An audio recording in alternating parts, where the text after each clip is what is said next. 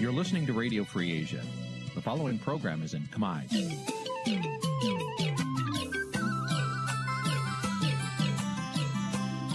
Nǐ chi càm bi tiệp xáy vệt chiu a zì sê ray នេះជាកម្មវិធីផ្សាយរបស់ Vithu Azisari ជាភាសាខ្មែរ វត្តឈូអាស៊ីសេរីសូមស្វាគមន៍លោកអ្នកនាងទាំងអស់ពីរដ្ឋធានី Washington នៃសហរដ្ឋអាមេរិក បាទពីរដ្ឋធានីវ៉ាស៊ីនតោនខ្ញុំបាទសេកបណ្ឌិតសូមជម្រាបសួរអស់លោកអ្នកនាងកញ្ញាទាំងអស់ជាទីមេត្រី បាទយើងខ្ញុំសូមជូនកម្មវិធីផ្សាយសម្រាប់យប់ថ្ងៃសៅរ៍3រោចខែអាសាឍឆ្នាំខាលចត្វាស័កពុទ្ធសករាជ2566ត្រូវនៅថ្ងៃទី16ខែកក្កដាគ្រិស្តសករាជ2022បាទជាដំបូងនេះសូមអញ្ជើញអស់លោកអ្នកនាងស្ដាប់ព័ត៌មានប្រចាំថ្ងៃដែលមានមេតិការដូចតទៅ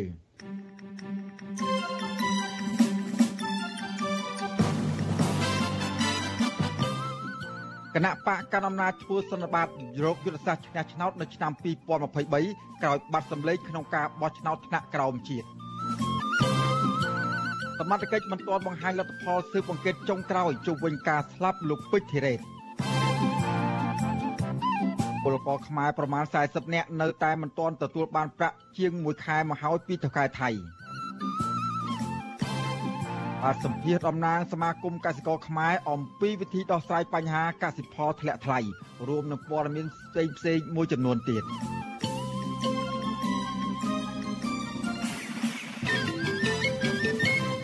បាទជាបន្តទៅទៀតនេះខ្ញុំបាទសេកបណ្ឌិតសូមជូនព័ត៌មានពិស្ដា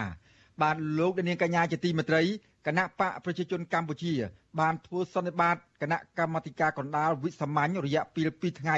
ដើម្បីរកយុទ្ធសាស្ត្រថ្មី ធ្វើយ៉ាងណាឲ្យឈ្នះការបោះឆ្នោតនៅឆ្នាំ2023ខាងមុខការធ្វើសន្និបាតនេះធ្វើឡើងបន្ទាប់ពីគណៈបកនេះបានរបូតកៅអីក្រុមប្រឹក្សាឃុំសង្កាត់ជាង2000អាសនៈទៅគណៈបកភ្លើងទៀនក្នុងការបោះឆ្នោតថ្នាក់ក្រោមជាតិកាលពីថ្ងៃទី5ខែមិថុនាកន្លងទៅបាទអ្នកខ្លំមើលនយោបាយយល់ថាយុទ្ធសាស្ត្រថ្មីដែលគណៈបកកណ្ដាលអំណាចរៀបចំពេលនេះអាចជាការគៀបសង្កត់លើអ្នកប្រកួតប្រជែងក្នុងការបោះឆ្នោតនាពេលខាងមុខបាទពីរដ្ឋធានី Washington លោកយុនសមៀនរាយការណ៍ជុំវិញព័ត៌មាននេះលោកហ៊ុនសែនលើកឡើងថាការបើកសន្និបាតពេលនេះដើម្បីស្វែងរកចំណុចខ្លាំងនិងចំណុចខ្សោយស្វែងរកហេតុនិងផលក្នុងការបោះឆ្នោតក្រុមប្រឹក្សាឃុំសង្កាត់អាណត្តិទី5កន្លងទៅលោកហ៊ុនសែនលើកឡើងដូចនេះតាមរយៈ Facebook របស់លោកនៅថ្ងៃទី16ខែកក្កដាលោកបន្តថាការពិភាក្សានេះមានគោលដៅដើម្បីបំពេញបន្ថែម នឹងឈានទៅរកការបោះឆ្នោតក្នុងការបោះឆ្នោតជ្រើសតាំងតំណាងរាស្ត្រឆ្នាំ2023ខាងមុខចំណែកប្រធានកិត្តិយសគណៈបកប្រជាជនកម្ពុជាលោកហេងសំរិនក៏លើកឡើងថាលទ្ធផលឆ្នោតកាលពីថ្ងៃទី5មិថុនាបញ្ជាក់ថា ពលរដ្ឋកម្ពុជានៅតែត្រូវការគណៈបកប្រជាជនកម្ពុជាបន្តដឹកនាំដដែលលោកហេងសំរិនបន្តថាលទ្ធផលនេះធ្វើឲ្យពួកប្រឆាំងជ្រុលនិយមដែលតែងតែយកជើងរាទឹកទទួលបរាជ័យក្នុងផែនការប៉ុនប៉ងបំផ្លាញដល់ដំណើរការដឹកនាំរបស់គណៈបកប្រជាជនកម្ពុជាទោះបីជាយ៉ាងណាលោកហេងសំរិនមិនបញ្ជាក់ថាក្រមប្រឆាំងជ្រុលនិយមជាក្រមណាឬគណៈបកណានោះទេ ប៉ុន្តែក្រមដែលប្រធានរដ្ឋសភាអាចចោទប្រកាន់ពេលនេះហាក់សម្ដៅទៅលើក្រមមេដឹកនាំគណៈបកប្រឆាំងត្បិតរបបក្រុងភ្នំពេញកាលពីឆ្នាំ2017បានរំលាយគណៈបកសង្គ្រោះជាតិនិងហាមឃាត់មេដឹកនាំគណៈបកនេះ118នាក់មិនឲ្យធ្វើនយោបាយរយៈពេល5ឆ្នាំសប្តាហ៍ថ្ងៃនេះប្រធានគណៈបកសង្គ្រោះជាតិលោកកឹមសុខា កំពុងរងបទចោទក្បត់ជាតិ ចំណែកប្រធានស្ដីទីគណៈបកនេះគឺលោកសំរងស៊ីត្រូវបានតឡាការកាត់ទោសយ៉ាងច្រើនសំណុំរឿងនិងមិនទាន់អាចវិលចូលស្រុកវិញបានទោះបីជាយ៉ាងណាគណៈបកភ្លើងទៀនជាអតីតគណៈបកសំរងស៊ីបានចូលរួមមកប្រកួតប្រជែងជាមួយគណៈបកប្រជាជនកម្ពុជា កាលពីថ្ងៃទី5ខែមិថុនា ក្រោយការបោះឆ្នោតក្រុមប្រឹក្សាឃុំសង្កាត់អាណត្តិទី5នេះគណៈបកកណ្ដាលអំណាចបានរបូតកៅអីក្រុមប្រឹក្សាឃុំសង្កាត់ជាង2000អាសនៈទៅឲ្យគណៈបកភ្លើងទៀនលទ្ធផលនេះបញ្ជាក់ថាគណៈបកភ្លើងទៀនជាគូប្រកួតប្រជែងធំមួយជាមួយគណៈបកប្រជាជនកម្ពុជា ទន្ទឹមនេះដែរគណៈបកនេះក៏កំពុងរងការធ្វើទុកបុកម្នេញចាប់តាំងពីមុនការបោះឆ្នោតក្នុងការបោះឆ្នោត និងក្រោយការបោះឆ្នោតដោយសកម្មជន និងថ្នាក់ដឹកនាំគណៈបកនេះកំពុងជាប់បណ្ដឹងនៅតុលាការ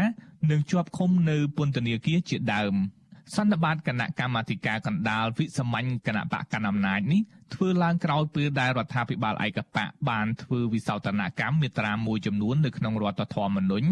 សម្ដៅផ្ទេរតំណែងនាយករដ្ឋមន្ត្រីទៅឲ្យលោកហ៊ុនម៉ាណែត ជាកូនប្រុសរបស់លោកហ៊ុនសែនការកែប្រែរដ្ឋធម្មនុញ្ញនេះអាចជាយុទ្ធសាស្ត្ររកផ្លូវចេញពីឆាកនយោបាយរបស់លោកហ៊ុនសែននៅជីវិតនយោបាយចុងក្រោយរបស់លោកដើម្បីធានាថាលោកនឹងមានសុវត្ថិភាពទៅថ្ងៃក្រោយ។ ពាក់ព័ន្ធទៅនឹងរឿងនេះប្រធានស្ដីទីគណៈបកសង្គ្រោះជាតិនិងជាស្ថាបនិកគណៈបកភ្លើងទៀនលោកសំរងស៊ីថ្លែងក្នុងកម្មវិធីផ្សាយវិទ្យុអាស៊ីសេរីកាលពីយប់ថ្ងៃទី15ខែកក្កដាថាបើតាមសម្លេងពលរដ្ឋផ្ដាល់ឲ្យគណៈបកភ្លើងទៀនជាង1លាន6សែនក្នុងការបោះឆ្នោតថ្នាក់ក្រោមជាតិកន្លងទៅនឹងធ្វើឲ្យគណៈបកនេះទទួលបានកៅអីជាង20ក្នុងរដ្ឋសភា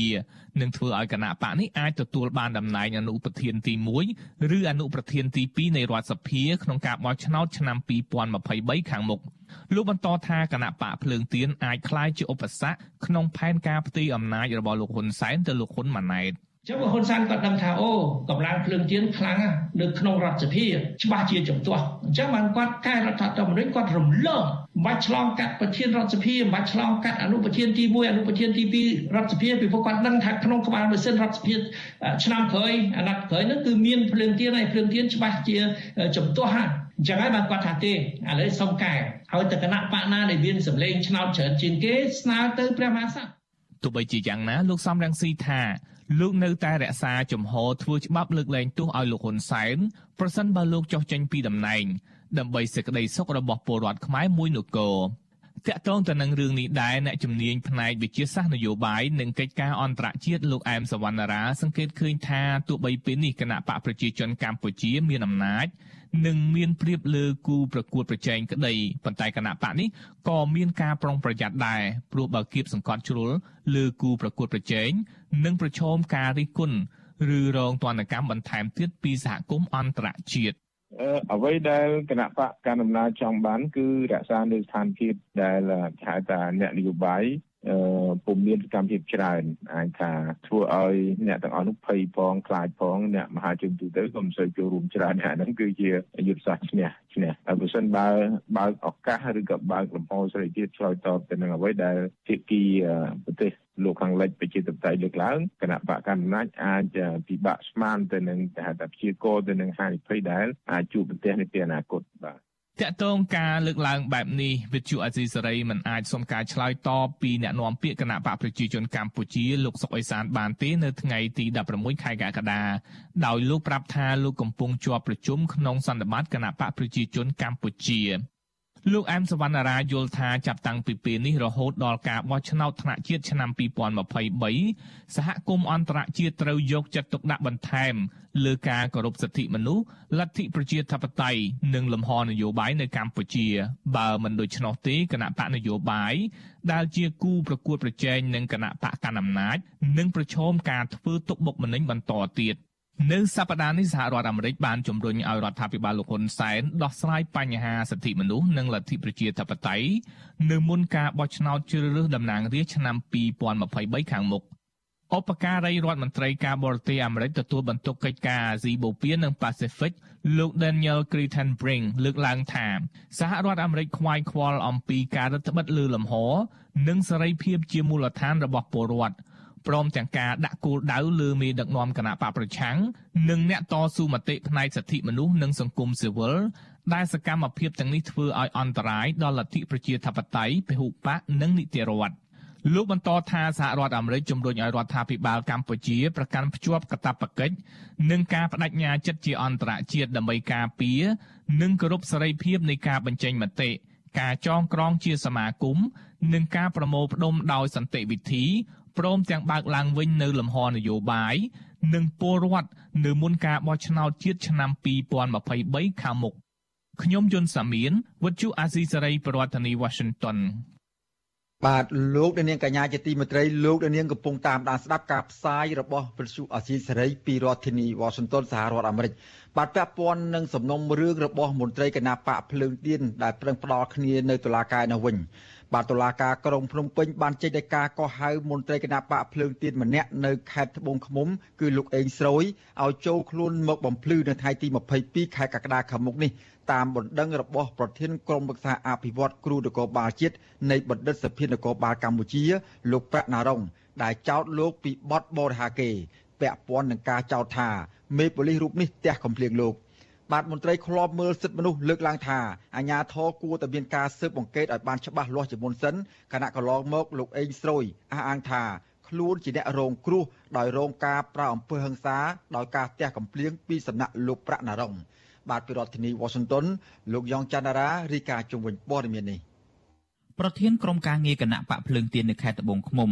និងជាអតីតគ្រូបង្រៀននៅអង្គភាពក្រុមប្រឹក្សាអភិវឌ្ឍគ្រូនគរបាលជាតិនៃបណ្ឌិតសភានគរបាលកម្ពុជា គឺលោកអេងស្រួយដែលអះអាងថាជាជនរងគ្រោះដោយការទះកំភ្លៀងពីមេប៉ូលីសផ្កាយ3ឈ្មោះប្រាក់ណរងនោះពេលនេះបែរជាជាប់បណ្ដឹងនៅតុលាការទៅវិញលោកប្រាក់ណរងដែលរងការចោទថាជាអ្នកបង្កហិង្សានោះបានប្តឹងលោកអេងស្រួយពីបទបរិហាកេ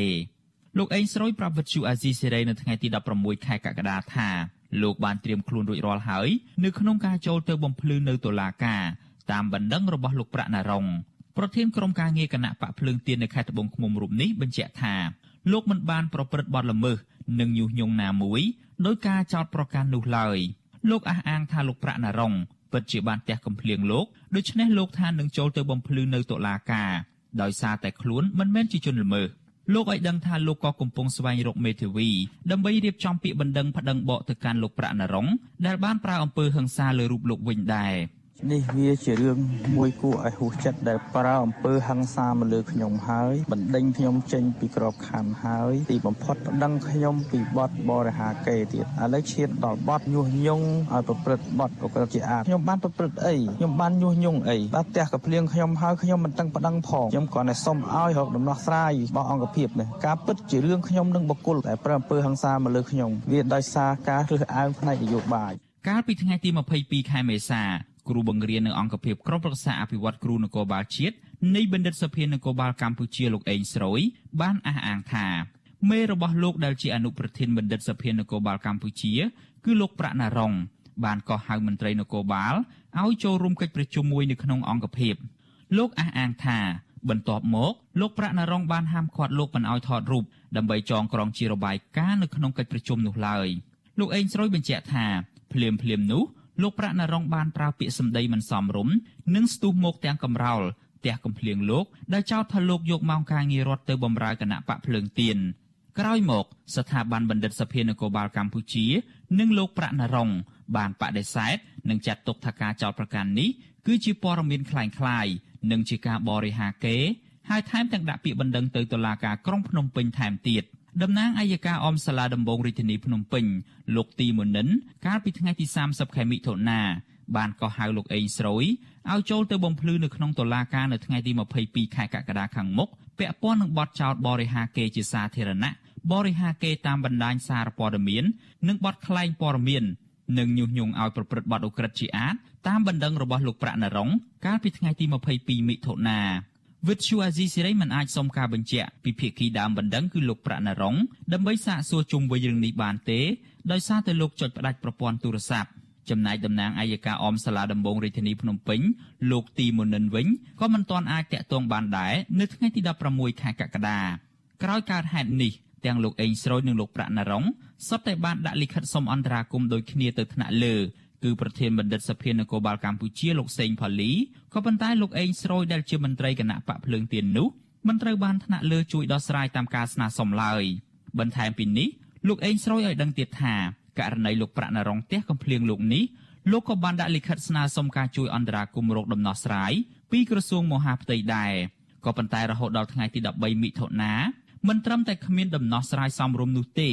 រដ្ឋមន្ត្រីក្រសួងមហាផ្ទៃលោកសខេងបែរជាសម្រេចកាត់ឈ្មោះលោកចេញពីក្របខ័ណ្ឌរដ្ឋជាមន្ត្រីនគរបាលដែលចោទថាលោកបានបោះបង់ចោលការងារទៅវិញ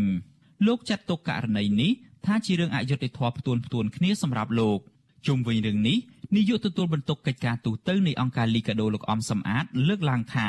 ករណីដែលលោកអេងស្រួយអះអាងថាអតីតមេរបស់ខ្លួនបានផ្ទះកំភ្លៀងនេះអាជ្ញាធរគួរតែស៊ើបអង្កេតឲ្យបានច្បាស់លាស់ លោកថាបើរកឃើញថាមានករណីការប្រើអំពើហិង្សាពិតមែននោះត្រូវចាត់វិធានការលើជនល្មើសដើម្បីផ្ដល់យុត្តិធម៌ដល់ជនរងគ្រោះលោកអំសំអាតថ្លែងទៀតថាបើការបណ្ដេញលោកអេងស្រូវចេញពីក្របខ័ណ្ឌរដ្ឋដោយសារតែនិន្នាការនយោបាយនោះគឺមិនត្រឹមត្រូវតាមច្បាប់ឡើយ។ ការចូលរួមក្នុងជីវភាពនយោបាយវាជាសិទ្ធិរបស់ពលរដ្ឋគ្រប់រូបដែលធានាដោយរដ្ឋធម្មនុញ្ញច្បាប់ជាតិនិងច្បាប់អន្តរជាតិបើសិនជាករណីនេះដែលសារតែគាត់ចូលរួមចូលជីវភាពនយោបាយជាមួយនឹងគណៈបកភ្លើងទៀនហើយមានការផិតបំភ័យឬក៏គម្រាមកំហែងកើតមែនអានឹងត្រូវតែធ្វើការស៊ើបអង្កេតដូចគ្នាពីព្រោះនេះវាជារឿងលោកទៅលើសិទ្ធិបុគ្គលឬក៏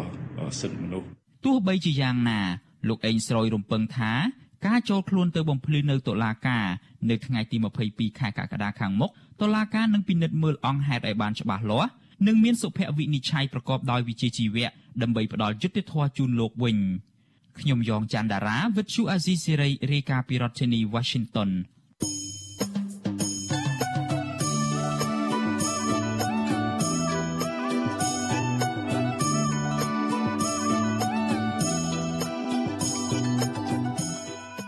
បាទលោកនាងកញ្ញាជាទីមេត្រីលោកនាងកំពុងតាមដានស្ដាប់ការផ្សាយរបស់វិទ្យុអសីសេរីពីរដ្ឋធានី Washington សហរដ្ឋអាមេរិកបាទក្រៅពីលោកនាងតាមដានស្ដាប់ការផ្សាយរបស់យើងខ្ញុំតាមរយៈបណ្ដាញសង្គមមាន Facebook និង YouTube នោះលោកនាងក៏អាចស្ដាប់ការផ្សាយរបស់វិទ្យុអសីសេរីតាមរយៈរលកធាតុអាកាសខ្លីឬ Shortwave ដែលមានកម្រិតកម្ពស់ដូចតទៅនេះបាទពេលព្រឹកចាប់ពីម៉ោង5កន្លះដល់ម៉ោង6កន្លះតាមរយៈរលកធាតុអាកាសខ្លី 12140 kHz ស្មើនឹងកម្ពស់ 25m និង13715 kHz ស្មើនឹងកម្ពស់ 22m បាទនៅពេលយប់ចាប់ផ្ដើមពីម៉ោង7កន្លះដល់ម៉ោង8កន្លះតាមរយៈរលកធាតុអាកាសខ្លី9960 kHz ស្មើនឹងកម្ពស់ 30m 12140 kHz ស្មើនឹងកម្ពស់ 25m និង11885 kHz ស្មើនឹងកម្ពស់ 25m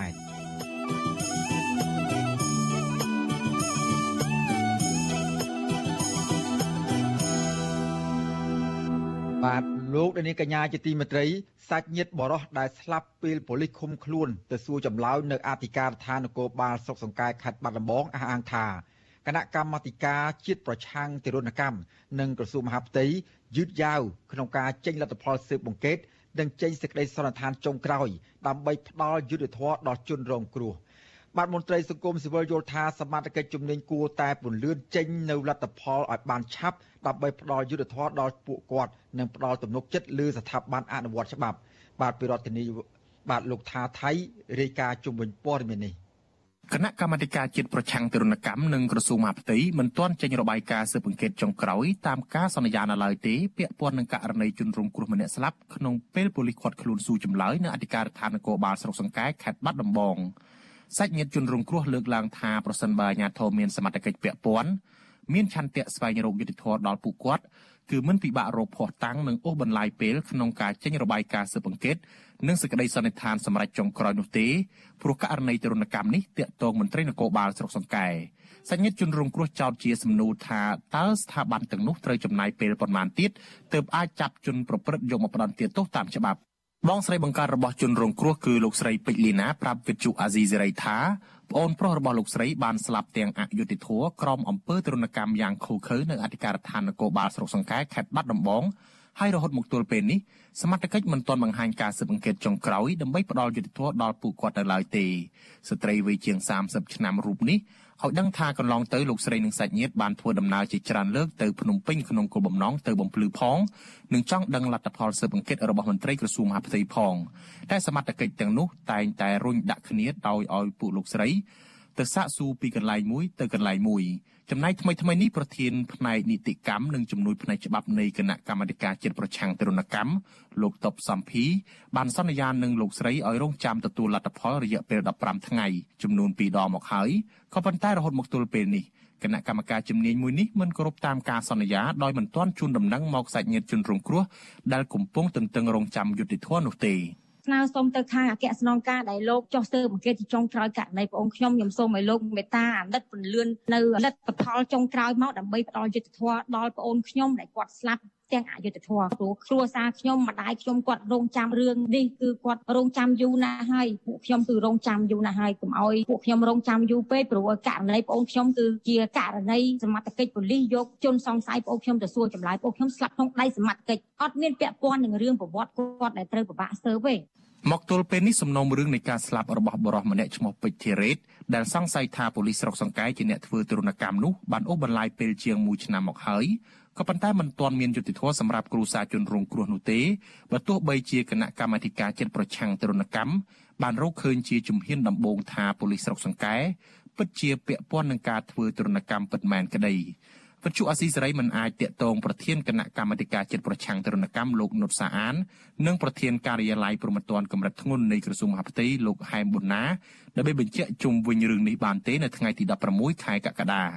កាលពីថ្ងៃទី16ខែមិថុនាឆ្នាំ2021កន្លងទៅគណៈកម្មាធិការជាតិប្រឆាំងទរណកម្មចេញរបាយការណ៍ស្រាវជ្រាវរបស់ខ្លួនដោយសន្និដ្ឋានថាជនរងគ្រោះឈ្មោះពេជ្រធីរ៉េតអាចស្លាប់បណ្ដាលមកពីការវាយធ្វើទរណកម្មស្រាលឬធ្ងន់ក្នុងពេលប៉ូលីសឃុំខ្លួននៅអធិការដ្ឋាននគរបាលស្រុកសង្កែក៏ប៉ុន្តែសមត្ថកិច្ចមិនបានចាប់ជនល្មើសមកផ្ដន្ទាទោសតាមច្បាប់ឡើយ គណៈកម្មាធិការជាតិប្រឆាំងទរណកម្មបានរុញសំណុំរឿងនេះទៅអគ្គស្នងការនគរបាលជាតិដើម្បីស៊ើបអង្កេតបន្ថែមទៀតក្រុមហេតុផលថាមន្ត្រីប៉ូលីសពាក់ព័ន្ធនៅក្នុងខេត្តបាត់ដំបងដែលជាប់សង្ស័យក្នុងករណីនេះផ្ដល់ចម្លើយផ្សេងៗគ្នា ជុំវិញរឿងនេះមន្ត្រីសម្របសម្រួលសមាគមការពារសិទ្ធិមនុស្សអាត60ប្រចាំខេត្តបាត់ដំបងលោកយិនមេងលីមានប្រសាសន៍ថាករណីនេះបើស្ថាប័នមានសមត្ថកិច្ចមានឆន្ទៈពិតប្រាកដមិនស្មុគស្មាញក្នុងការស៊ើបអង្កេតនោះទេលោកយល់ថាសមត្ថកិច្ចគូបង្ហាញលទ្ធផលឲ្យបានឆាប់ទោះបីលទ្ធផលរកឃើញយ៉ាងណាក៏ដោយដើម្បីឲ្យគ្រួសារជនរងគ្រោះអស់ចិត្តឬបន្តនីតិវិធីតាមប្រព័ន្ធតុលាការតទៅទៀត។ លោកយិនមេងលីថាភាពយឺតយ៉ាវនេះនឹងធ្វើឲ្យពលរដ្ឋអស់ជំនឿលើស្ថាប័នអនុវត្តច្បាប់នៅក្នុងសំណុំរឿងហ្នឹងតើវាមានអីដែលជាអាកំបាំងឬក៏មានអ្នកណាអ្នកណា នៅកាងពីក្រោយ បានជាគណៈកម្មការប្រឆាំងទរណកម្មក៏ចេញរបាយការណ៍មករុញដាក់ទៅអគ្គស្នងការអគ្គស្នងការសន្យាពីមួយទៅមួយធ្វើឲ្យខាត់បងនៅទាំងពេលវេលារបស់ប្រជាពលរដ្ឋខាត់បងនឹងថាវិការគាត់ចុះឡើងគាត់ចុះឡើងតាមដានហ្នឹងឯងដែលខ្ញុំថាវាធ្វើឲ្យយុត្តិធម៌ពិបាករោមហ៎កាលពីថ្ងៃទី3ខែមេសាឆ្នាំ2021បរិមម្នាក់ឈ្មោះពេជ្រធីរ៉េតអាយុ31ឆ្នាំមានមុខរបរជាជាងផ្សារដែក ព្រោះនៅភូមិបោះពោឃុំអូដំបងមួយស្រុកសង្កែបានស្លាប់បាត់បង់ជីវិតក្នុងពេលប៉ូលីសចាប់ឃុំខ្លួនស៊ូចម្លើយនៅអធិការដ្ឋាននគរបាលស្រុកសង្កែអស់រយៈពេលជាង3ម៉ោងពាក់ព័ន្ធនឹងការសង្ស័យថាគាត់បានរេខ្សែភ្លើងអគ្គិសនីដើម្បីឆក់សម្លាប់ប្រពន្ធនៅក្នុងផ្ទះដោយសារភ្លើងប្រច័ណ្ឌក៏ប៉ុន្តែសាក់សីអះអាងថាក្នុងពេលកើតហេតុគឺបរិសុទ្ធជាប្តីរូបនេះមិនបាននៅផ្ទះឡើយ ពូលីសខេត្តបាត់ដំបងបកស្រាយថាលោកពេជ្រធីរ៉េតស្លាប់ដោយសារគាំងបេះដូងព្រោះប្រើថ្នាំញៀនហួសកម្រិតប៉ុន្តែនៅពេលសាច់ញាតិពិនិត្យសាកសពឃើញមានស្នាមរបួសនិងជាំពេញខ្លួនចាប់តាំងពីជើងរហូតដល់ក្បាលនិងមានហូរឈាមតាមច្រមុះនិងត្រចៀកព្រមទាំងស្នាមខួងនៅកន្លែងដាក់ខ្នោះនិងស្នាមជាំខ្លាំងនៅកជើងទាំងពីរ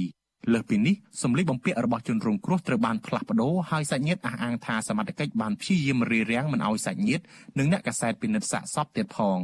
អ្នកជំនាញនឹងគ្រូសាជនរងគ្រោះសន្និដ្ឋានថាស្នាមជាំនឹងរបួសនៅលើដងខ្លួនសាកសពលោកពេជ្រធីរ៉េតជាស្នាមទរណកម្មដោយការវាយដំនិងឆក់ខ្សែភ្លើងខាងគណៈកម្មាធិការជាតិប្រឆាំងទរណកម្មក៏បានចោះស៊ើបអង្កេតរកឃើញភ្លាមភ្លាមថាការស្លាប់របស់ជនរងគ្រោះជាប់ពាក់ព័ន្ធនឹងការធ្វើទរណកម្មរបស់នគរបាលស្រុកសង្កែដែរទោះជាយ៉ាងណាមកទល់ពេលនេះ ក្រុមនគរបាលស្រុកសង្កែដែលជាប់សង្ស័យក្នុងករណីនេះនៅតែមានសេរីភាពដដែលបងស្រីរបស់ជនរងគ្រោះដែលសកម្មក្នុងការស្វែងរកយុត្តិធម៌ជូនប្អូនប្រុសនេះបន្តអះអាងថាលោកស្រីនឹងនៅតែតស៊ូដល់ទីបញ្ចប់ដោយមិនរាថយនោះទេរហូតទាល់តែប្អូនប្រុសរបស់លោកស្រីនិងក្រុមគ្រួសារទទួលបានយុត្តិធម៌ពិតប្រាកដខ្ញុំថាថៃពីទីក្រុងមែលប៊នបាទលោកនាងកញ្ញាជាទីមេត្រីពាក់ព័ន្ធនឹងបញ្ហាបរិស្ថានវិញម្ដង បាទយុវជនស្រឡាញ់បរិស្ថាននិងអង្គការសង្គមស៊ីវិលចូលរួមដាំកូនឈើ6000ដើមនៅតំបន់ព្រៃសហគមន៍សង់រុក្ខវ័នដើម្បីបំពេញលើផ្ទៃដីដែលសឹករិចរិលគ្មានដើមឈើបាទចំណែកសកម្មជនការពារព្រៃឈើថាយុវជននិងពលរដ្ឋគួរចូលរួមនៅក្នុងសកម្មភាពការពារបទល្មើសព្រៃឈើបន្ថែមពីលើការដាំកូនឈើឡើងវិញបាទទន្ទឹមគ្នានេះពួកគេក៏ស្នើសុំអាជ្ញាធរចូលរួមនិងបើក ចំហដល់ប្រជាពលរដ្ឋយុវជនសកម្មជននៅក្នុងកិច្ចការពារធនធានធម្មជាតិដោយបញ្ឈប់នៅការគំរាមកំហែងនិងការលាបពណ៌ទៅលើពួកគេ បាទពីរដ្ឋធានី Washington លោកយ៉ងច័ន្ទរា មានសេចក្តីរាយការណ៍មួយទៀតជុំវិញព័ត៌មាននេះក្រមយុវជនព្រះសង្ឃនិងអង្គការសង្គមស៊ីវិលមួយចំនួននាំគ្នាចុះទៅដាំកូនឈើនៅព្រៃសហគមន៍សង្ឃរុក្ខវ័នស្ថិតនៅក្នុងខេត្តឧត្តរមានជ័យនៅថ្ងៃទី16ខែកក្កដាការដាំកូនឈើនេះ គឺដើម្បីស្ដារព្រៃសហគមន៍ឡើងវិញដោយដាំបំពេញនៅចន្លោះដី ដែលរងការសឹករិចរិលព្រោះគ្មានគម្របព្រៃឈើការពារយុវជនម្នាក់ដែលចូលរួមនៅក្នុងយុទ្ធនាការដាំកូនឈើនេះគឺលោកថុយចន្ទថាឲ្យដឹងថា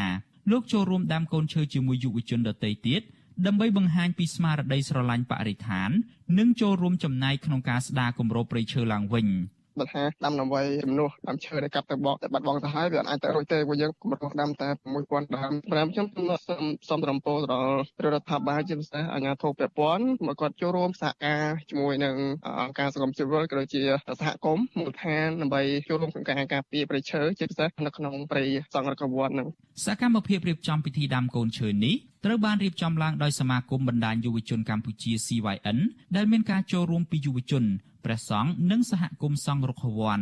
ក្នុងនោះកូនឈើចំនួន6000ដើមរួមមានកូនឈើប្រណិត និងឈើហូបផ្លែនឹងត្រូវដាំលើផ្ទៃដីរិចរិលចំនួន5ហិកតា ក្នុងតំបន់ព្រៃសហគមន៍សង្ឃរុក្ខវ័នក្រោមប្រធានបទថា រួមគ្នាដាំកូនឈើដើម្បីជីវិតនិងភពផែនដី មន្ត្រីសម្របសម្រួលគម្រោងសមាគមបណ្ដាញយុវជនកម្ពុជាលោកអូតឡាទីនឲ្យដឹងថា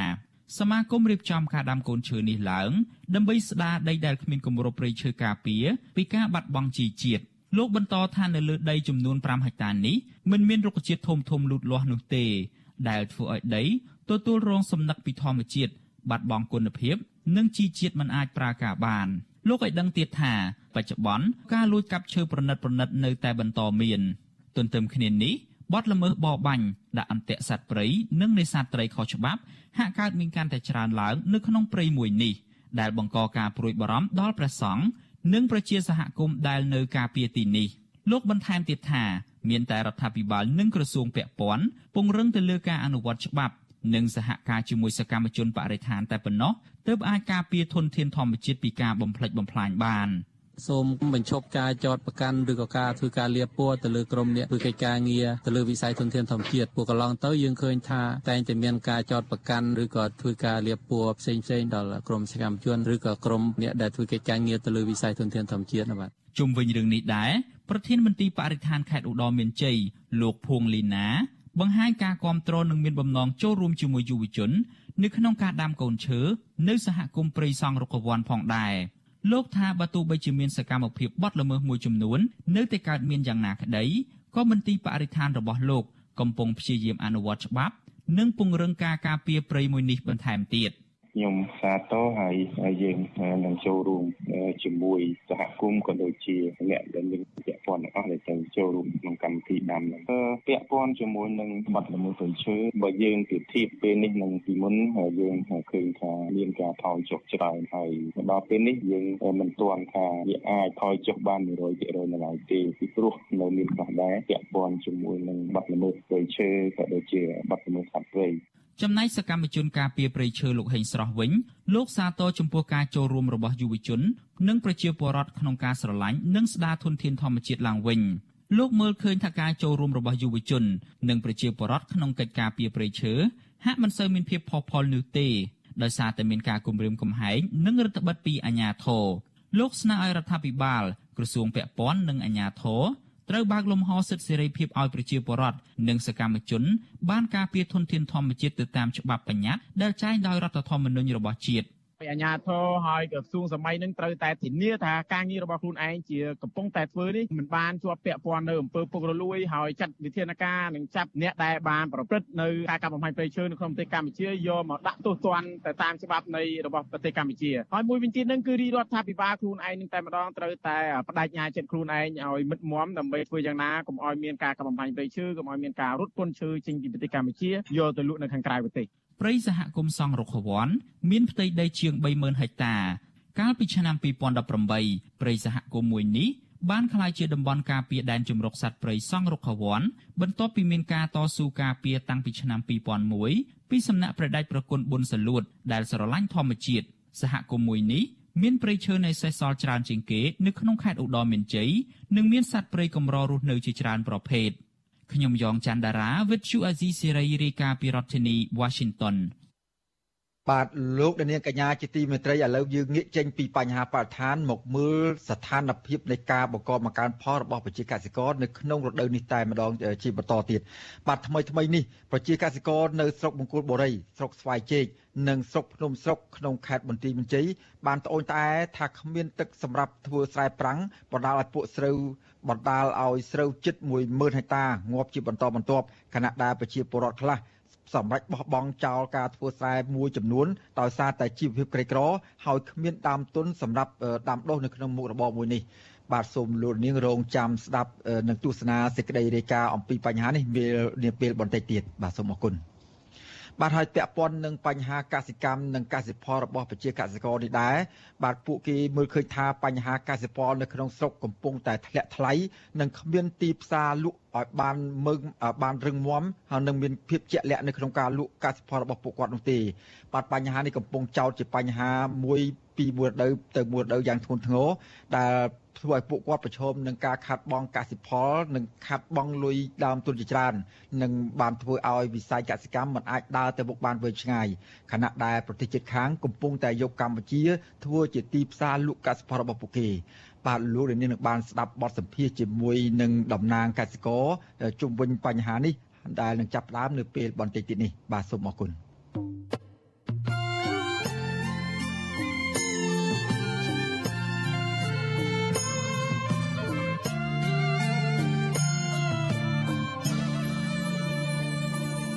បាទតកតងនឹងពលករខ្មែរដែលធ្វើការនៅក្នុងទីក្រុងបាងកកប្រទេសថៃនៅវិញបាទពលករខ្មែរធ្វើការជាកម្មករសំណង់ប្រមាណ40នាក់រស់នៅក្នុងការដ្ឋានសំណង់មួយនៅទីក្រុងបាងកកប្រទេសថៃ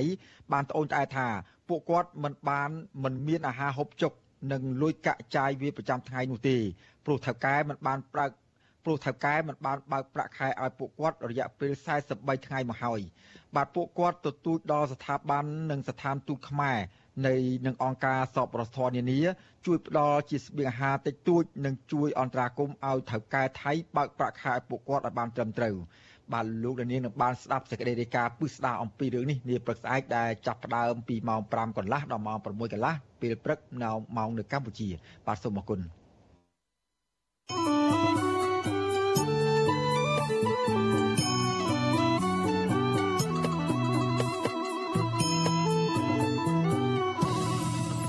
បាទលោកនាងកញ្ញាជាទីមេត្រីប្រជាពលរដ្ឋរស់នៅភូមិអញ្ចាញសង្កាត់នគរធំក្រុងសៀមរាបនៅតែបារម្ភអំពីការចុះរុះរើសំណង់តូចតាចរបស់ពួកគេទោះបីជាមានការប្រកាសពីរដ្ឋបាលខេត្តសៀមរាបស្នើសុំឲ្យផ្អាកកុំឲ្យអាជ្ញាធរអប្សរាចុះរុះរើយ៉ាងណាក្តីបាទអង្គការសង្គមស៊ីវិលស្នើសុំឲ្យអាជ្ញាធរអប្សរាហើយត្រូវតែយកចិត្តទុកដាក់ ទប់ស្កាត់កុំឲ្យមានសំណង់រឹងមាំរបស់អ្នកមានអំណាច ដែលអាចនាំឲ្យមានផលប៉ះពាល់ដល់ប្រជានេសាទជាជាងការរុះរើតែសំណង់តូចតាចរបស់ប្រជាពលរដ្ឋក្រីក្រ បាទពីរដ្ឋធានី Washington អ្នកស្រីម៉ៅសុធានីរាយការណ៍ជុំវិញព័ត៌មាននេះប្រជាប្រដ្ឋភូមិមញ្ចាញលោកស្រីលងពៅប្រាប់បច្ចុប្បន្នស៊ីស្រីថាលោកស្រី នៅតែមានការព្រួយបារម្ភពីអាញាធរអប្សរាចុះរុះរើសំណង់កូនខ្ទមរបស់លោកស្រី លោកស្រីថាពេលអាញាធរអប្សរាចុះរុះរើខ្ទមកន្លងមកនេះអាញាធរបានប្រាប់លោកស្រីថាត្រូវតែរើសំណង់ចេញឲ្យខានតែបានព្រោះសំណង់កូនខ្ទមនេះគឺជាសំណង់ខុសច្បាប់ដែលអាចប៉ះពាល់ដល់ប្រាសាទអង្គរពីយូរមកដល់ឥឡូវហើយវាពិបាកណាស់ពីព្រោះអីសំបីតាអ្នកស្រុកអ្នកភូមិដែលគាត់នៅចេះតូចតូចដូចខ្ញុំសំបីតា គាត់ចង់ដាំដើមចេកឬក៏គាត់ចង់ដាំដើមស្វាយឬក៏គាត់ចង់ដាំបន្លែដំណាំជ្រៅដំឡូងគាត់ក៏អត់ឲ្យធ្វើដែរព្រោះណាធ្វើឲ្យស្រាក់ឲ្យស្ងាត់ឲ្យមាន អគ្គនាយករងអាជ្ញាធរជាតិអប្សរាលោកលងកុសល លើកឡើងថាអាជ្ញាធរអប្សរានឹងបន្តចុះរុះរើសំណង់ខុសច្បាប់ទាំងអស់ដោយមិនមានការយោគយល់នោះឡើយតកតងនឹងការស្នើសុំឲ្យផ្អាកបណ្ដោះអាសន្នកុំឲ្យមានការរុះរើសំណង់ពីរដ្ឋបាលខេត្តសៀមរាបលោកលងកុសលបានប្រាប់បច្ចុប្បន្នស៊ីស្រីថាខាងអាជ្ញាធរអប្សរានិងរដ្ឋបាលខេត្តសៀមរាបនៅមិនទាន់មានកិច្ចប្រជុំណាមួយនៅឡើយដោយសារតែភាគីទាំងពីររវល់ការងាររៀងខ្លួន ជាមួយគ្នានេះលោកចាត់ទុកសកម្មភាពតវ៉ារបស់ប្រជាពលរដ្ឋកន្លងមកនេះថាជាអំពើខុសច្បាប់ចាំអ្វីធ្វើខ្លួនជាសកម្មភាពខុសច្បាប់ហើយយើងមានតែអំពាវនាវចំពោះគាត់ងាកមកប្រើប្រាស់នៅយន្តការច្បាប់អនុវត្តការគោលការណ៍ច្បាប់ហើយចូលរួមចំណែកនៅក្នុងកិច្ចការនេះនឹងជជាជាងប្រឈមជាមួយទៅសកម្មភាពបែបដឹងព្រោះនេះវាជាសកម្មភាពស្ដីខុសពីច្បាប់ អ្នកភូមិបានលើកគ្នាតវ៉ាជាបន្តបន្ទាប់ប្រឆាំងមិនអោយអាជ្ញាធរអប្សរាចុះរុះរើសំណង់អ្នកភូមិចំនួន2ដងមកហើយដោយលើកទី1នៅថ្ងៃទី27ខែមិថុនាហើយការនោះបរដ្ឋជាង400នាក់បានតវ៉ាផ្អាកមិនអោយអាជ្ញាធរអប្សរារុះរើសំណង់27កន្លែង ក្រោយមករដ្ឋបាលខេត្តសៀមរាបបានធ្វើសំណើទៅអាជ្ញាធរអប្សរាដើម្បីសុំផ្អាកជាបណ្ដោះអាសន្ននៅរាល់សកម្មភាពរុះរើសំណង់ផ្សេងៗរបស់ប្រជាពលរដ្ឋនៅក្នុងតំបន់អប្សរាអ្នកភូមិជាង300នាក់បានតវ៉ាម្ដងទៀតនៅថ្ងៃទី13ខែកក្កដាដោយមិនអោយអាជ្ញាធរអប្សរារុះរើកូនខ្ទមរបស់លោកស្រីលងពៅដែលជាស្ត្រីមេម៉ាយមានកូន4នាក់ក្នុងបន្ទុក អ្នកភូមិអញ្ចាញប្រាប់បច្ចុប្បន្នស៊ីស្រីថាពួកគាត់នឹងនៅតែតវ៉ាជាមួយនឹងអាជ្ញាធរអប្សរាបើសិនជាពួកគេចុះទៅរុះរើសំណង់របស់អ្នកភូមិទៀតហើយពួកគាត់អះអាងថាសំណង់ដែលពួកគាត់បានធ្វើនោះ គឺជាសំណង់តូចតាចប៉ុណ្ណោះហើយវាមិនមានផលប៉ះពាល់ដល់ប្រាសាទនោះឡើយ។ ជុំវិញរឿងនេះអ្នកខ្លាំមើលស្ថានភាពសិទ្ធិមនុស្សនៃសមាគមការពារសិទ្ធិមនុស្សអាត់ហុកនៅខេត្តសៀមរាបលោកសួសណារិន លើកឡើងថាអាញាធរគួរមានការយោគយល់ដល់ការសាងសង់សំណង់តូចតាចរបស់ប្រជាពលរដ្ឋក្រីក្រក្រ លោកសំណុំពរដល់អាជ្ញាធរពាក់ព័ន្ធគួរតែយកចិត្តទុកដាក់កុំឲ្យមានការសាងសង់សំណង់រឹង ដែលនាំឲ្យមានផលប៉ះពាល់ដល់ប្រាង្គប្រាសាទអង្គរវត្តជាជាងចុះរុះរើសំណង់តូចតាចដែលប្រជាប្រដ្ឋក្រីក្រគ្រាន់តែសាងសង់ដើម្បីស្នាក់នៅខ្ញុំគិតថានឹងវាខុសទៅនឹងគោលការណ៍ខាងសិទ្ធិមនុស្សនិងច្បាប់រដ្ឋធម្មនុញ្ញដែលមានចែងអំពីការរស់រានមានជីវិតការរស់នៅ ត្រូវមានជំរកសមរម្យក្នុងលក្ខណៈជាមនុស្សតាក់ទងបញ្ហានេះដែរសង្គមស៊ីវិលតែងតែលើកឡើងថាការចុះរុះរើសំណង់នៅក្នុងតំបន់អប្សរាធ្វើឡើងដោយមិនស្មើភាពអ្នកមានលុយមានអំណាចអាចសាងសង់សំណង់រឹងមាំបានក៏ប៉ុន្តែប្រជាប្រដ្ឋក្រីក្រ តែងតែត្រូវបានអាជ្ញាធរអប្សរាចុះរុះរើយកសំណង់តូចតាចរបស់ពួកគាត់ទាំងអស់ ចាននាងខ្ញុំម៉ៃសុធានីវិទ្យុអាស៊ីស្រីប្រធានាធិបតី Washington បាទលោកដានីកញ្ញាជាទីមន្ត្រីពាក់ព័ន្ធនឹងការធ្វើកសិកម្មរបស់ប្រជាកសិករនៅប៉ែកភៀកពីយប់នៃប្រទេសកម្ពុជាទៅវិញបាទថ្មីថ្មីនេះប្រជាកសិករនៅក្នុងស្រុកមង្គលបុរី ស្រុកស្វាយជែកនិងស្រុកភ្នំស្រុកនៅក្នុងខេត្តបន្ទាយមានជ័យបានត្អូញត្អែថាគ្មានទឹកសម្រាប់ធ្វើស្រូវប្រាំងបណ្ដាលឲ្យស្រូវជិត10000ហិកតាងាប់ជាបន្តបន្ទាប់គណៈប្រជាពលរដ្ឋខ្លះសម្រាប់បោះបង់ការធ្វើស្រែជាមួយចំនួនដោយសារតែជីវភាពក្រីក្រហើយគ្មានតាមទុនក្នុងការដាំដុះស្រូវស្រែចម្ការអស់ទាំងនេះបាទសូមទស្សនាសេចក្តីរាយការណ៍អំពីរឿងនេះដូចតទៅរដូវកាលធ្វើកសិកម្មរបស់ប្រជាកសិករឈានចូលមកដល់ពួកគេអះអាងថា ការធ្វើកសិកម្មរយៈពេលប្រមាណឆ្នាំចុងក្រោយនេះប្រជាពលរដ្ឋភ័យច្រើនជំពាក់ប្រាក់ធនាគារវ៉ាន់កដោយសារតែការដាំដុះមិនទទួលបានផល ពេលខ្លះគ្មានទឹកគ្រប់គ្រាន់បណ្ដាលឲ្យស្រូវងាប់ចំណែកពេលខ្លះទៀតដល់រដូវទឹកឡើងខ្លាំងលិចស្រូវរលួយខូចរាប់ម៉ឺនហិកតាក៏មានហើយពេលរដូវប្រមូលផលម្ដងម្ដងបែរជាតម្លៃទីផ្សារស្រូវអង្ករក៏ចុះថោកថែមទៀត។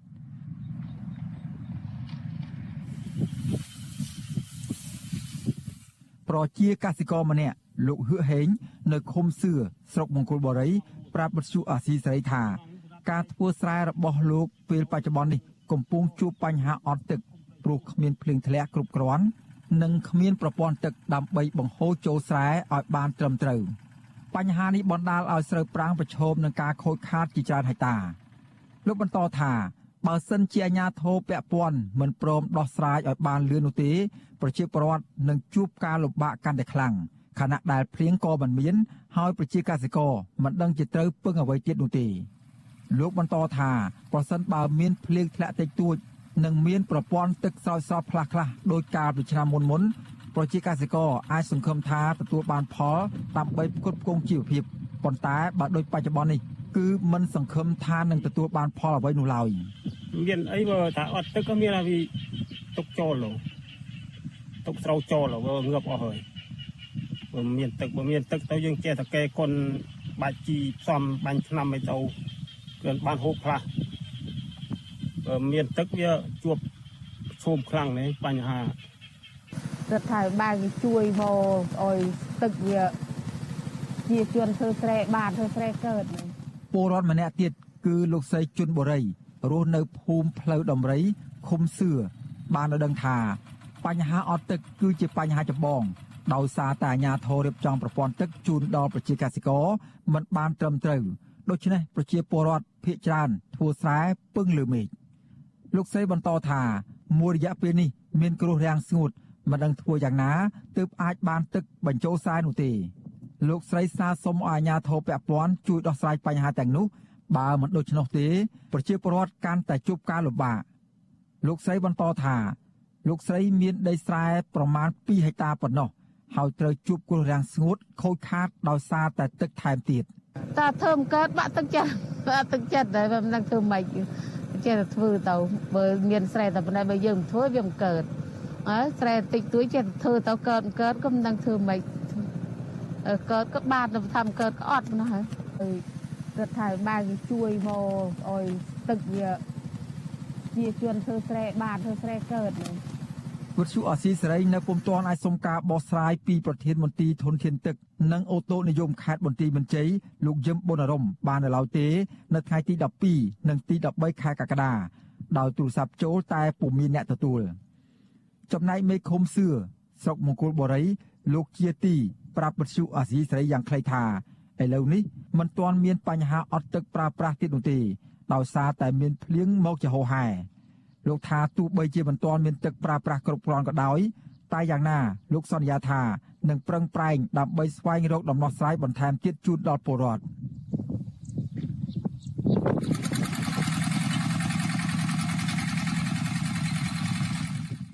ដោយឡែកប្រជាពលរដ្ឋរស់នៅស្រុកស្វាយជែកឯនោះវិញ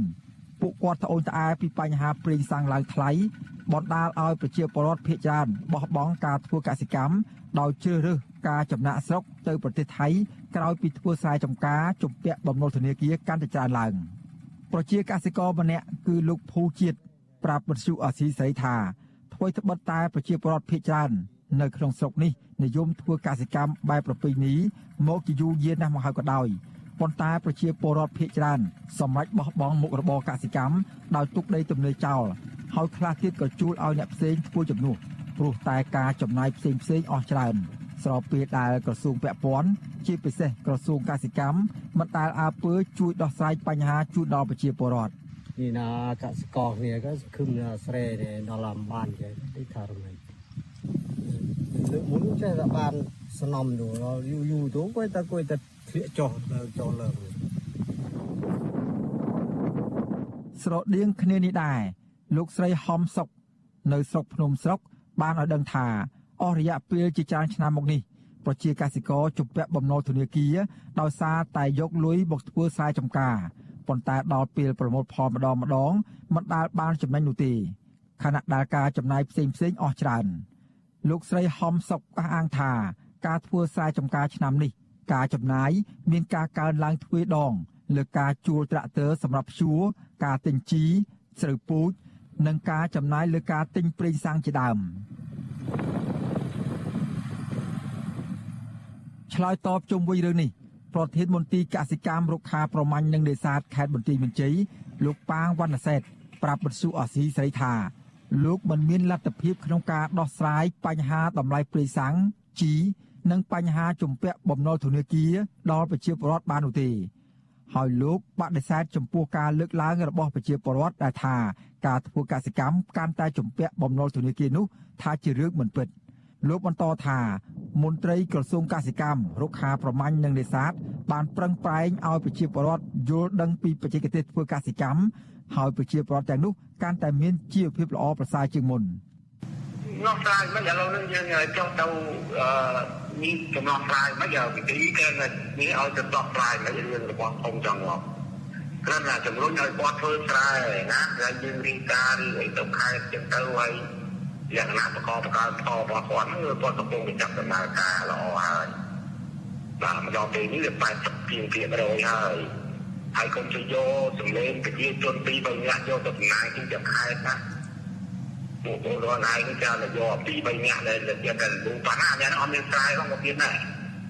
ជុំវិញរឿងនេះប្រធានសម្ព័ន្ធសហគមន៍កសិករកម្ពុជា លោកថេងសាវឿនសង្កេតឃើញថាការប្រកបមុខរបរកសិកម្មរបស់កសិករនៅតែមានបញ្ហាចោទដដែលជាពិសេសបញ្ហាជីថ្នាំ និងប្រេងសាំងឡើងថ្លៃខណៈដែលបញ្ហាប្រព័ន្ធទឹក និងការគ្រប់គ្រងទឹក ដើម្បីសម្រួលដល់កសិករក៏នៅមិនទាន់មានដំណោះស្រាយជូនពលរដ្ឋឲ្យបានត្រឹមត្រូវនៅឡើយលោកមើលឃើញថាបញ្ហាទាំងនេះបដដាលមកពីអាជ្ញាធរពាក់ព័ន្ធមិនមានឆន្ទៈដោះស្រាយជូនដល់ប្រជាកសិករនៅតាមមូលដ្ឋានពិតប្រាកដរដ្ឋត្រូវតែរៀបចំ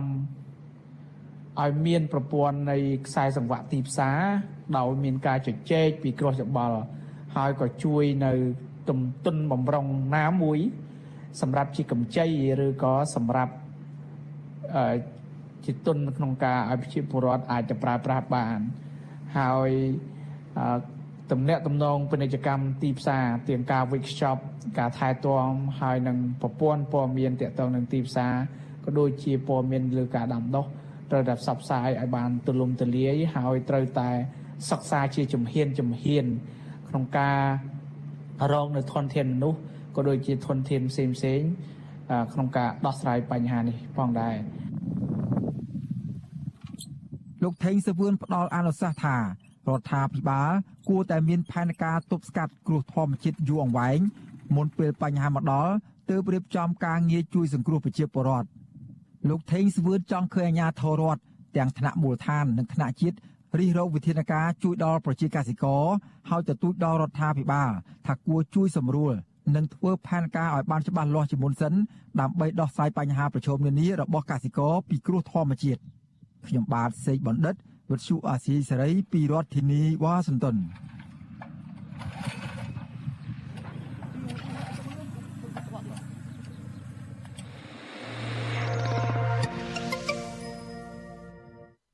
បាទលោកនាងកញ្ញាជាទីមេត្រីពាក់ព័ន្ធនឹងបញ្ហាវិស័យកសិកម្មនេះដែរបាទបញ្ហាកសិផលនៅក្នុងស្រុកដែលពុំមាន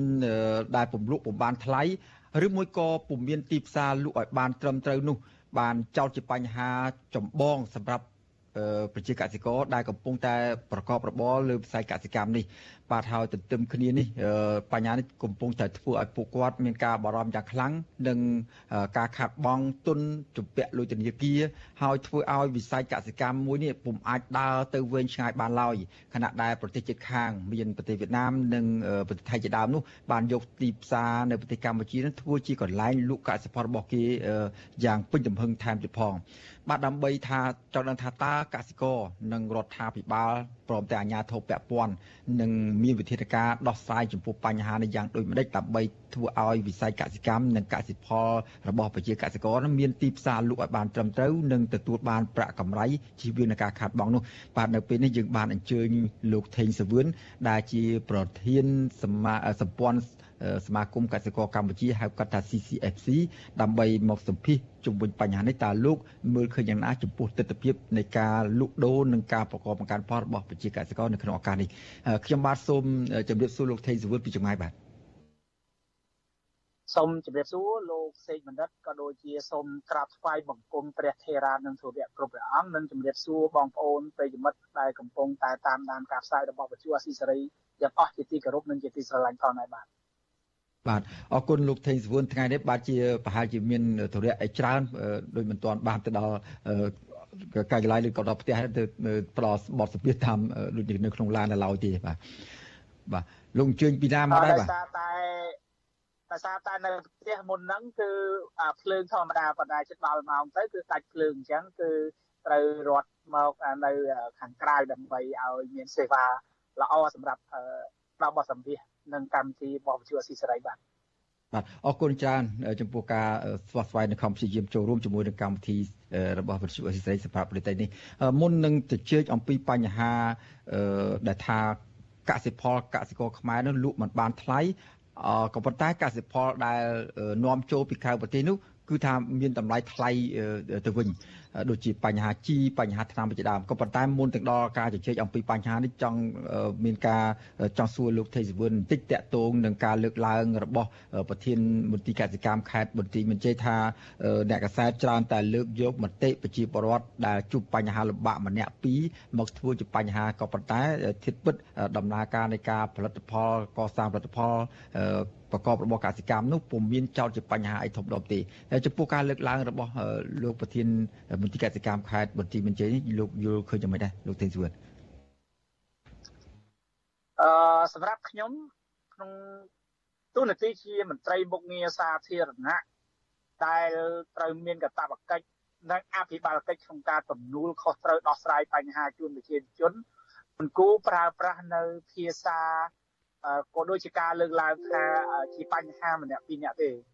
ហើយ បើនិយាយអំពីបញ្ហាផលិតផលទាំងឬថាគ្មានទីផ្សារក្នុងការលក់ផលិតផលកសិកម្មនៅពេលដែលរដូវប្រមូលផលមកដល់នេះវាលែងទៅជារឿងដែលថ្មីហើយសម្រាប់នៅប្រទេសកម្ពុជាវាជារឿងវប្បធម៌ដែលដោះស្រាយមិនចេញចំពោះមន្ត្រីសាធារណៈក៏ដូចជាមន្ត្រីទទួលបន្ទុកកិច្ចការងារមួយចំនួន តែគាត់មិនបានឆ្លើយតបនិងផ្ដល់នៅដំណោះស្រាយស្រមសតជូនដល់ប្រជាពលរដ្ឋនៅពេលដែលប្រជាពលរដ្ឋជួបនៅបញ្ហា អ្វីដែលគាត់អាចធ្វើបានគឺមានន័យថាគាត់មិនទទួលនៅអនុសាសន៍គាត់ឯងឬក៏ស្ដាប់អំពីក្តីកង្វល់របស់ប្រជាពលរដ្ឋទេគឺគាត់តែងតែឆ្លើយនៅការដោះសារក៏ដូចជាទស្សនៈយល់ឃើញការពៀននៅ អ្វីដែលជាទូនាទីនៃកតាបកិច្ចប៉ុន្តែមិនបានបង្ហាញអំពីសមត្ថភាពក៏ដូចជាលទ្ធភាពក្នុងការឆ្លើយតបបញ្ហាទេកាលណាបើយើងនិយាយបែបហ្នឹងមានន័យថាគ្រប់ការលើកឡើងរបស់ប្រជាពលរដ្ឋទាំងអស់លុះត្រាតែគាត់នឹងពិបាកក្នុងការដោះស្រាយខ្លាំងគាត់ប្រឈមខ្លាំងបានជាគាត់លើកឡើងត្អូញត្អែអំពីបញ្ហាទាំងអស់ហ្នឹងហើយខ្ញុំជឿជាក់ថាបញ្ហាទាំងអស់នេះ គឺមាននៅស្ទើរតែគ្រប់ខេត្តនៅក្នុងប្រទេសកម្ពុជាមិនមែនតែខេត្តប្រទេសមានជ័យទេប្រសិនខេត្តប្រទេសមានជ័យហ្នឹងក៏ជួបបញ្ហាខ្លាំងដែរពីអឺចំពោះបងប្អូនដែលប្រមូលផលសម្រាប់ឲ្យទាំងអស់នោះគួរតែចុះសិក្សាស្រាវជ្រាវ ក៏ដូចជាស្ដាប់នៅក្តី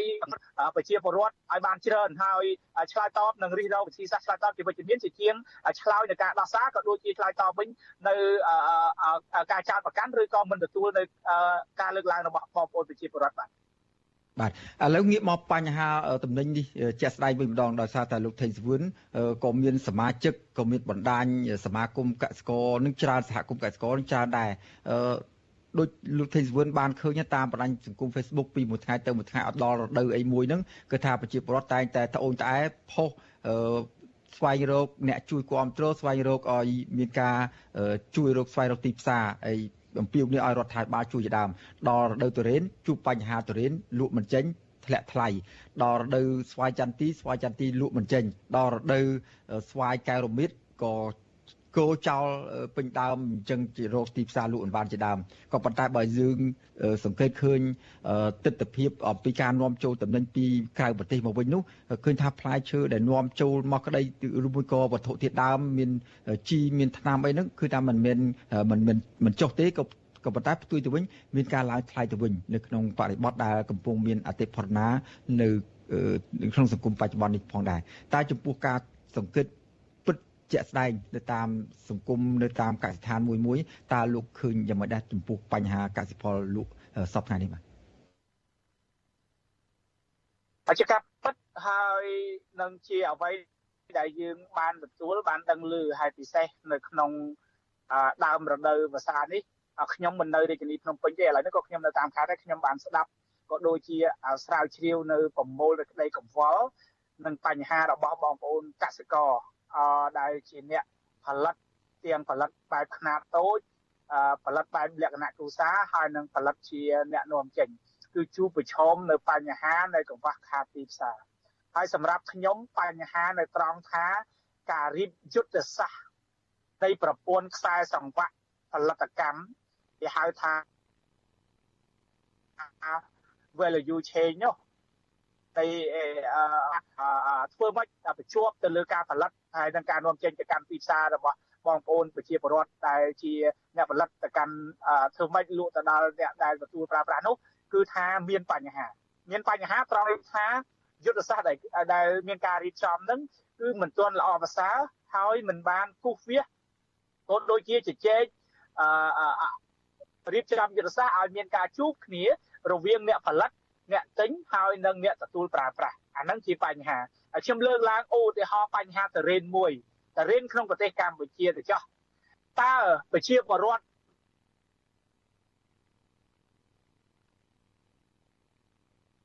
នៅខេត្តលោកទេសខេត្តឧទាហរណ៍ថា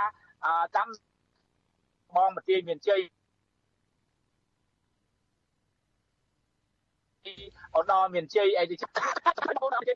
បានលក់ទៅដល់អ្នកនៅក្នុងខេត្តរតនគិរី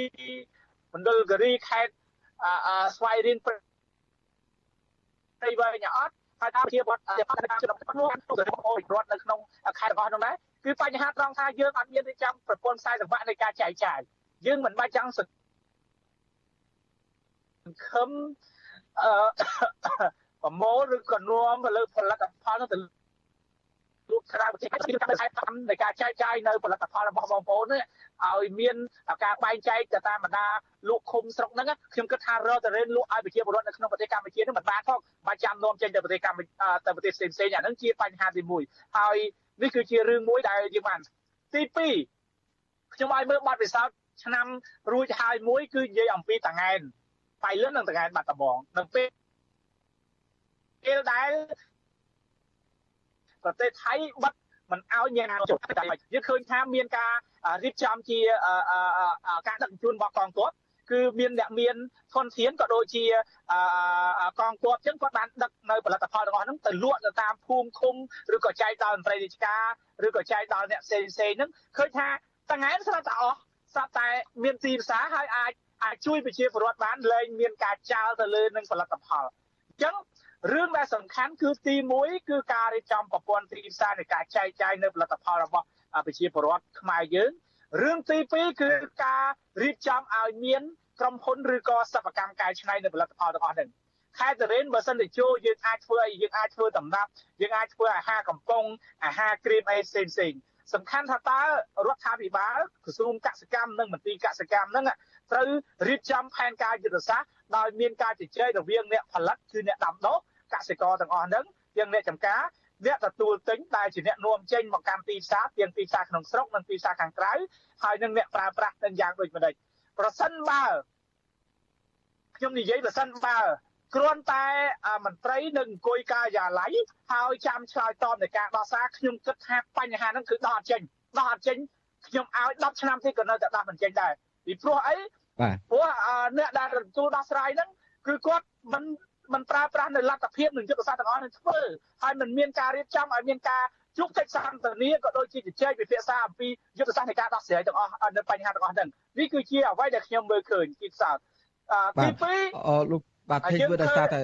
ពេលវេលាយើងខ្លីមួយចំណុចទៀតអាចថាអញ្ចឹងទេព្រោះលោកនាយករដ្ឋមន្ត្រីហ៊ុនសែននឹងហើយនឹងមន្ត្រីមួយចំនួនហាក់បីដូចជាដាក់បន្ទុកទៅលើបញ្ហាហ្នឹងឲ្យប្រជាកសិករជាអ្នក ទទួលខុសត្រូវខ្លួនឯងបញ្ហាទីផ្សារបញ្ហាដាំដុះដូចជាខាតថាការដាច់ចោលផលិតផលលក់បញ្ចេញឬមួយក៏នាំឲ្យចុះថោកមកពីកសិករហ្នឹងនាំគ្នាដាំស្របគ្នាច្រើនពេកថាតរេនតរេនទាំងអស់គ្នាស្វាយស្វាយទាំងអស់គ្នាទៅដូចមានពាក្យមួយគេពោលថាបើគេប្រមូលកម្ឲ្យខានបើគេបានកម្ឲ្យទៅណាដល់ពេលឃើញអ្នកគេបានដាំបានទេនាំទៅដាំទៅហើយវាចោលលក់បញ្ចេញទៅទន្ទឹមនឹងពេលវេលាដែលរដ្ឋាភិបាលមិនទាន់មានយន្តការអីជួយ សង្គ្រោះប្រជាពលរដ្ឋដូចជាលោកថេងសវុតបានលើកថាត្រូវធ្វើរោងចក្រ